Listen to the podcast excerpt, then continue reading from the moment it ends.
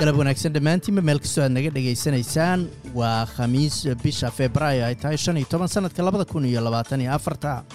Magacayguna waa xasan jaamac wararkana waxaa ugu waaweyn dowladda albanisi oo sheegtay inay dib u soo celinayso gargaarkii la siin jiray onwa sida ugu dhaqsaha badan.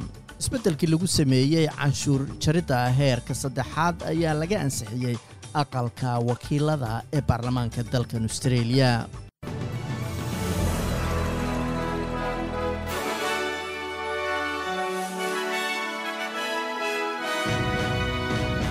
dowladda albanisiya ayaa sheegtay inay doonayso inay dib u soo celiso gargaarkii la siin jiray hay'adda qaramada midoobey ee taageerta falastiiniyiinta sida ugu dhaqsaha badan. Wasiiradda arrimaha dibadda dalkan australia penny wong ayaa u sheegtay guddi sanadka in hay'addan oo loo soo gaabiyo onra ay muhiim weyn u leedahay gargaarka la siiyo gaza. Laakiin eedaha loo soo jeediyey hay'addan ayay tiri inay yihiin kuwo waaweyn aana la dafiri karin. Isbedelada canshuur jaridda ee heerka saddexaad ee dowladda albanisi ay soo bandhigtay ayaa laga ansixiyey aqalka wakiilada ee baarlamaanka federaalka. Inkastoo ay jireen dhaliilo cusub oo ka soo baxaya mucaaradka federaalka. Mucaaradka ayaa dowladda ku weeraray waxa ay ugu yeereen go'aan afartan milyan oo doolar loogu qondaynayo xayeysiin lagu xayeysiinayo canshuur jariddan ra'iisul wasaare antony albanisi ayaa guursanaya ayaa la yidhi isagoo ku dhawaaqay mehersiga gabadha uu la socday oo la yidhaahdo jori hayden baraha bulshada ayuuna saaka arrintaasi ku qoray.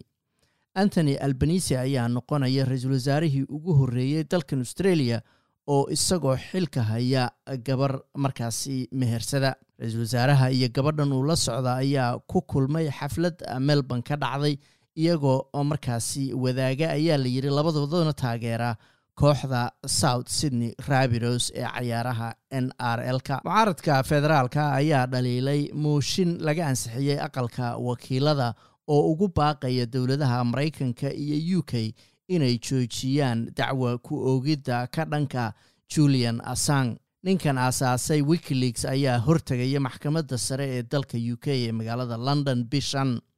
Tanoo noqonaysa dadaalkii u dambeeyey ee isugu dayayo inaan loo gacangelin maraykanka oo u haysta ninkan dacwooyin basaasnimo ah. Mooshinka ayaa waxaa ansixiyey laybarka xildhibaano madax bannaan iyo mid ka mid a xildhibaanada liberaalka bridget archer in ka badan shan iyo labaatan guri ayaa ku gubtay ayaa la yidhi grambians national bark iyadoo dababku ay ka sii socdaan inay ka holcaan qaybo ka mida gobolkan victoria. Dadka deggan qaybaha gobolka victoria ee dabku saameeyey ayaa sugaya amaro loogu fasaxo inay guryahooda dib ugu noqdaan iyadoo dabku weli uu ka qarxayo ayaa la yidhi bannaanka national barga waa grambian national barge ugu yaraan hal qof ayaa dhintay dhowr kalena waa ay ku dhaawacmeen toogasho keentay inay dad badan oo isugu soo baxay magaalada kansas city ay kala cararaan. Waa dalka maraykanke xabadda ayaa ka dhacday bannaanka train stationka caanka ee kansas halkaas oo kooxda nfl chiefs ay ugu dabaaldegaysay guushii ay ka gaartay cayaartii weyneyd ee suberboolka booliska ayaa sheegay in laba qof oo hubaysan la xiray.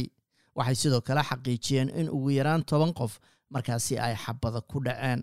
Weerar ay israa'iil ku qaaday xadka ay la leedahay koonfurta lubnaan ayaa waxaa ku dhintay ugu yaraan toddoba qof oo ay ku jiraan afar qof oo hal qoys wada ahaa. Sida laga soo xigtay warbaahinta dalka lubnaan weerarkan ayaa lagu tilmaamay kii ugu ballaarnaa ee ka dhaca lubnaan wixii ka dambeeyey toddobadii oktoobar hawada maanta oo khamiisa magaalada melbourne waa cadceed iyo laba iyo labaatan. Magaalada sydneyna roobab sii badanayay shan iyo labaatan. Halka australian dollar maanta waxaa lagu sarifayay lixdan iyo shan senti oo lacagta maraykanka ah